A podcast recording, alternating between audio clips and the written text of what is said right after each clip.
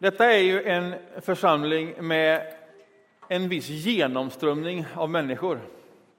Eh, hit kommer man kanske som student till staden och sen är man här några år, ändå ganska många år och sen försvinner man någonstans. En del kommer som student och blir kvar i församlingen ett helt liv. Andra växer upp i den här församlingen och sen som 19-åring så tycker man att det är alldeles för torrt och livlöst. Jag behöver något mycket mer radikalt. Och sen söker man sig vidare i världen. Det skulle vara så fruktansvärt spännande att få sätta en GPS-sändare på varje människa som går igenom här. Bara för att få se, vart tar man vägen? Vad händer med ett liv? Hur sitter vi ihop med saker som händer i Sverige, över världen, i den här församlingen? Hade man satt en GPS-sändare på Jonas Pramvall, där är Jonas, han, den sitter där ja, precis. Ja.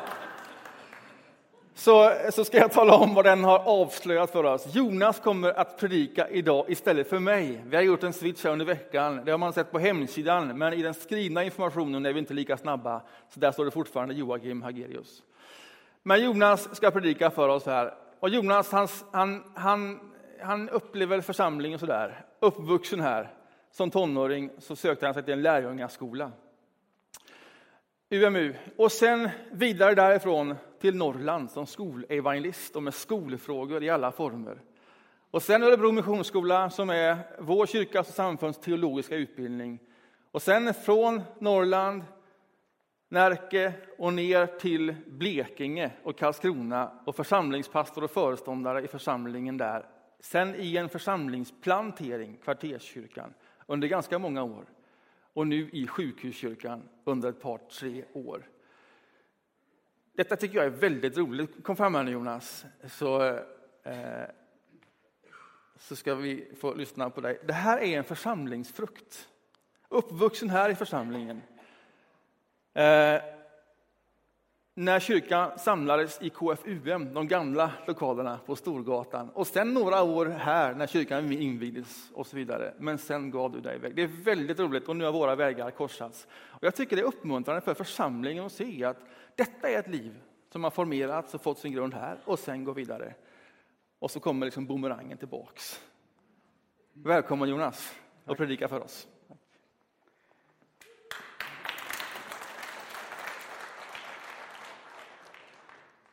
Ja, det är roligt. Det är väldigt roligt att vara här. Eh, det är inte alltid man reflekterar över vad det har betytt att växa upp på en plats. Man lever vidare, man bor någon annanstans, ni vet. Men sen börjar man fundera på var man har fått de här fundamenten, ni vet. Det där som, har, som bär de här stålbalkarna i livet, om man nu får uttrycka sig så. Och jag har fått mycket i den här församlingen och det är jag väldigt, väldigt tacksam för. Så jag tycker det känns extra speciellt roligt att få predika här idag. Eh, så det är vad jag känner. Och det känns gott att få tala om den gode heden här idag.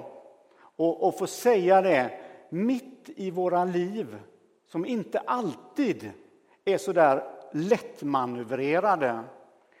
Och mitt in i våra liv som inte alltid är precis det vi önskar, ni vet.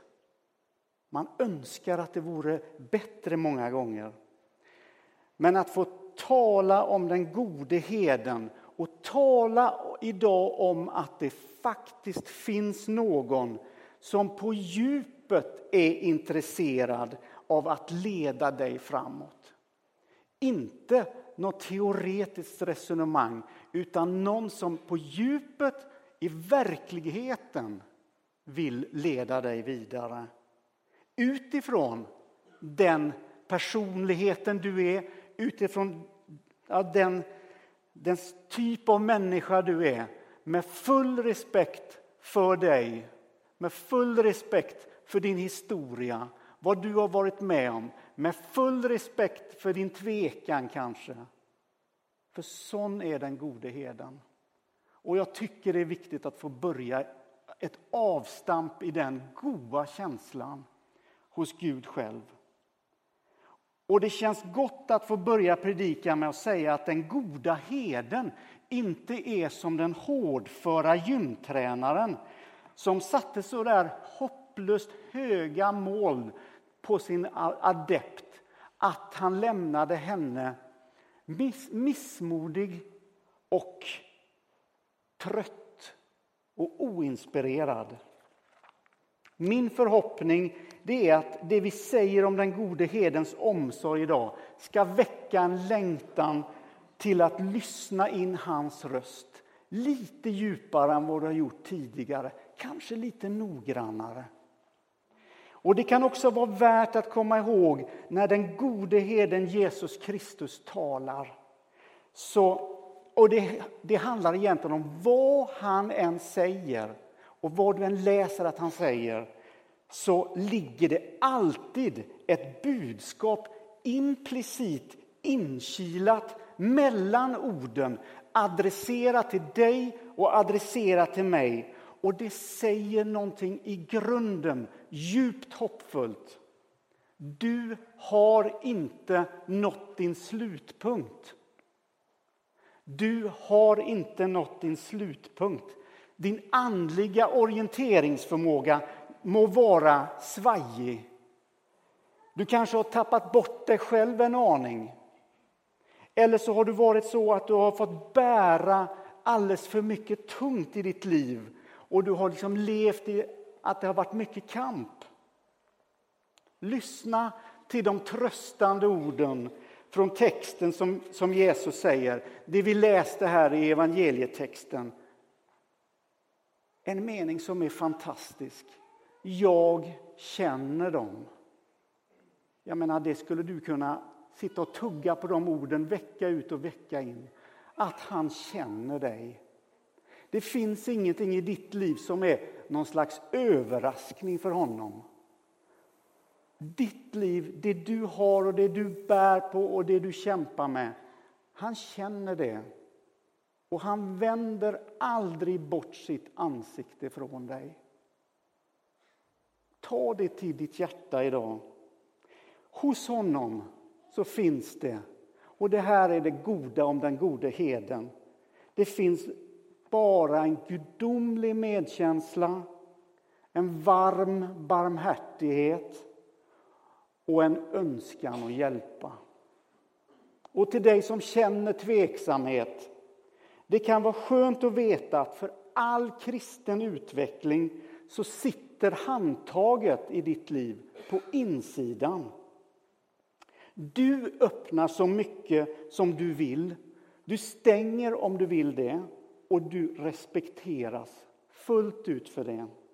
Glöm aldrig bort att den gode heden är varsam med det han älskar.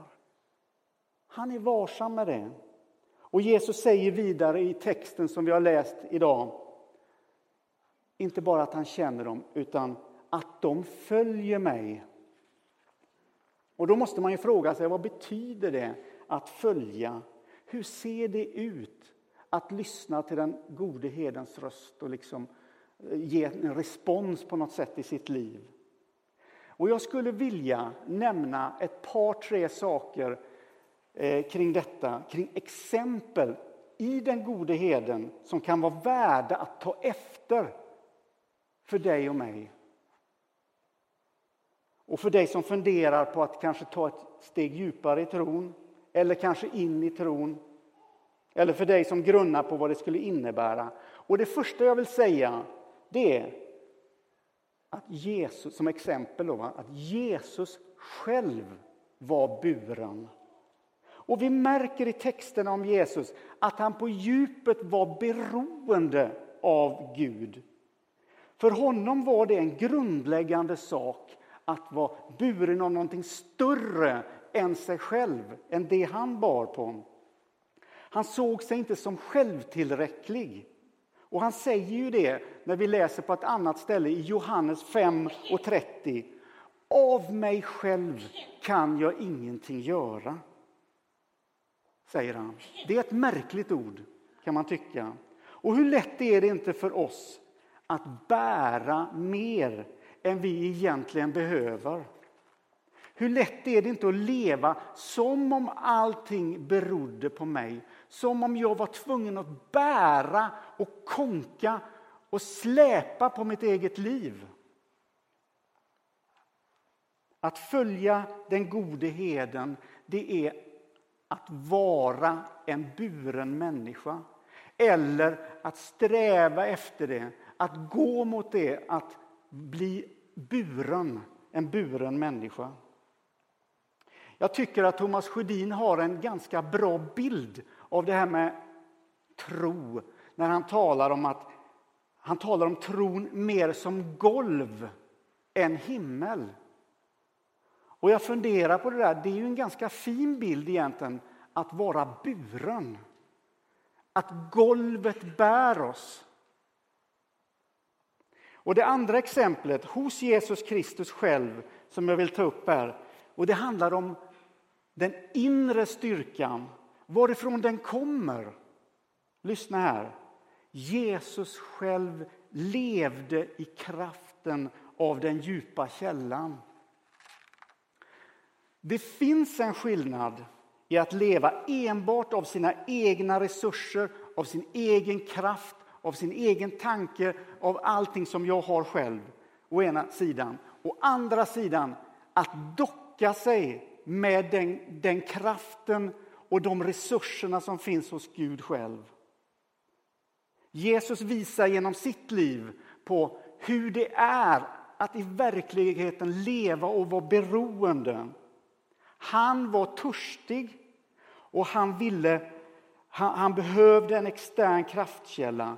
Man skulle kunna säga att han hade en livsstil av att hämta vatten.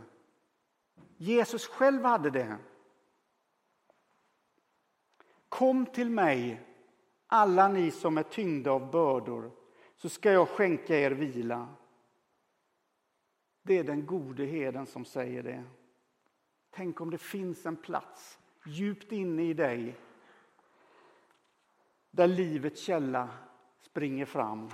Tänk om det finns en plats där de här spända axlarna får slappna av. Där du inte hela tiden behöver lita till din egen förmåga. David beskriver detta. Han beskriver sin personliga erfarenhet att hur det är, det är ju det han svarar på. Hur är det egentligen att ha Gud som herde? Det är det som han beskriver i den 23 salmen när han säger Han för mig i vall på gröna ängar. Han låter mig vila vid lugna vatten.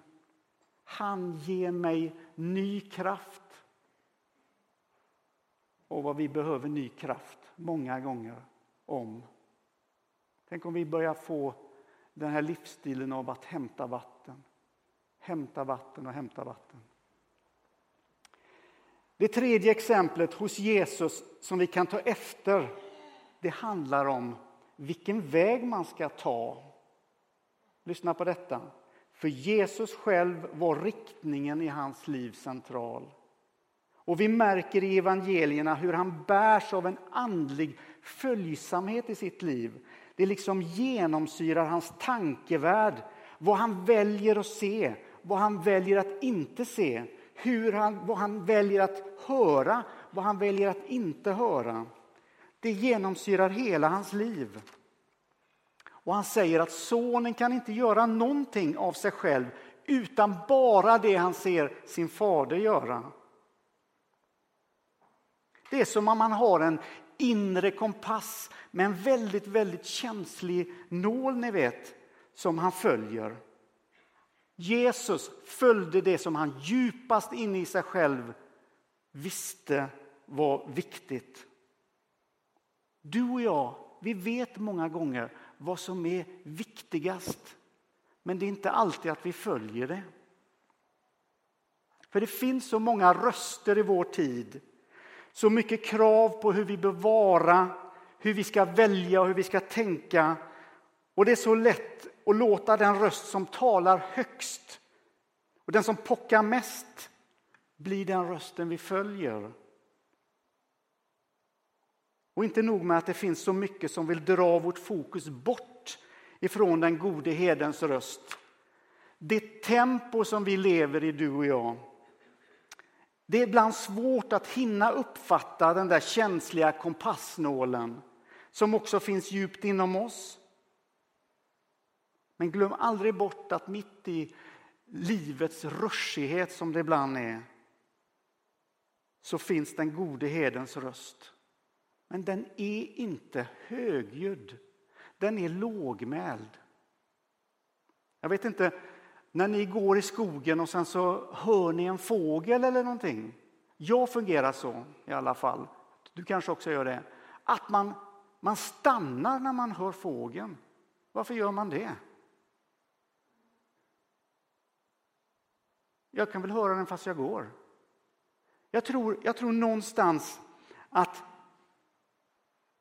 vi, kräver den fulla uppmärksamheten när vi lyssnar på den här fågeln.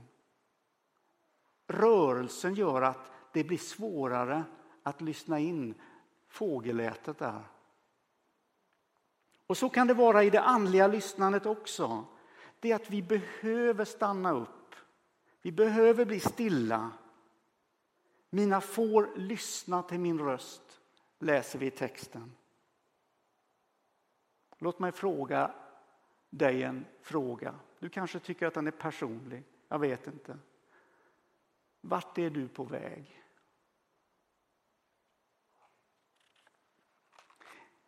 Är ditt liv på väg i en bra riktning? I en riktning som du djupast inne vill? När vi ber bönen Fader vår så ber vi Ske din vilja så som i himmelen så och på jorden. Och mer personligt kan vi be Ske din vilja i det livet som blev mitt liv. Ske din vilja i mina röriga relationer, i min, i min orediga hjärna, i mina, min velighet eller vad det nu är. Ske din vilja. Du vet att Guds vilja sker ingen annanstans än precis i ditt liv. Det är där det händer. Gud börjar alltid där du är och där du står. Och inte med pekpinnen. Den gode heden har inga pekpinnar. Så då kanske det är dags att du också lägger bort bilden av pekpinnarna. Om du med hjärtat börjar be den här bönen som du kanske har rabblat Ske din vilja så som himlen såg på jorden. Om du börjar be den med ditt hjärta så kommer en väldigt spännande process ta form i ditt liv. Du kommer att växa, du kommer att mogna. Och lyssna på detta.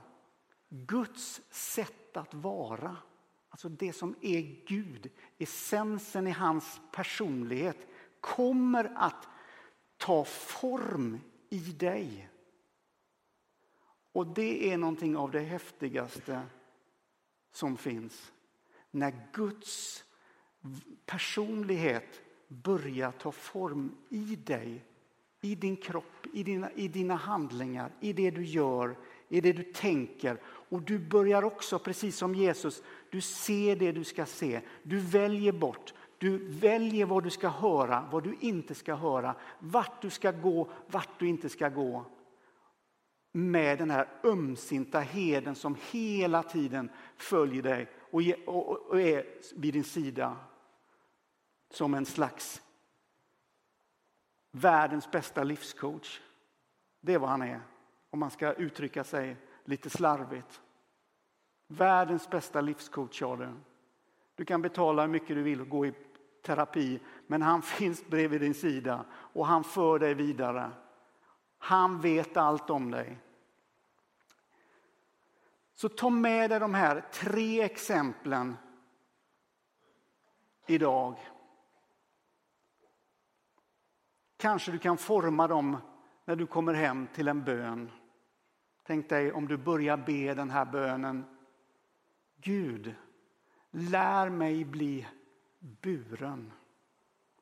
Gud, lär mig lita till din kraft. Gud, lär mig att gå i rätt riktning. Wilfrid Stinnesen skriver så hoppfullt. Se, jag vill göra allting nytt, säger Gud. Han vill göra det genom dig och mig. Släpp taget om det gamla. Sträck dina händer mot det nya och våga tro att Jesus vill lägga det nya livet i din famn. Amen.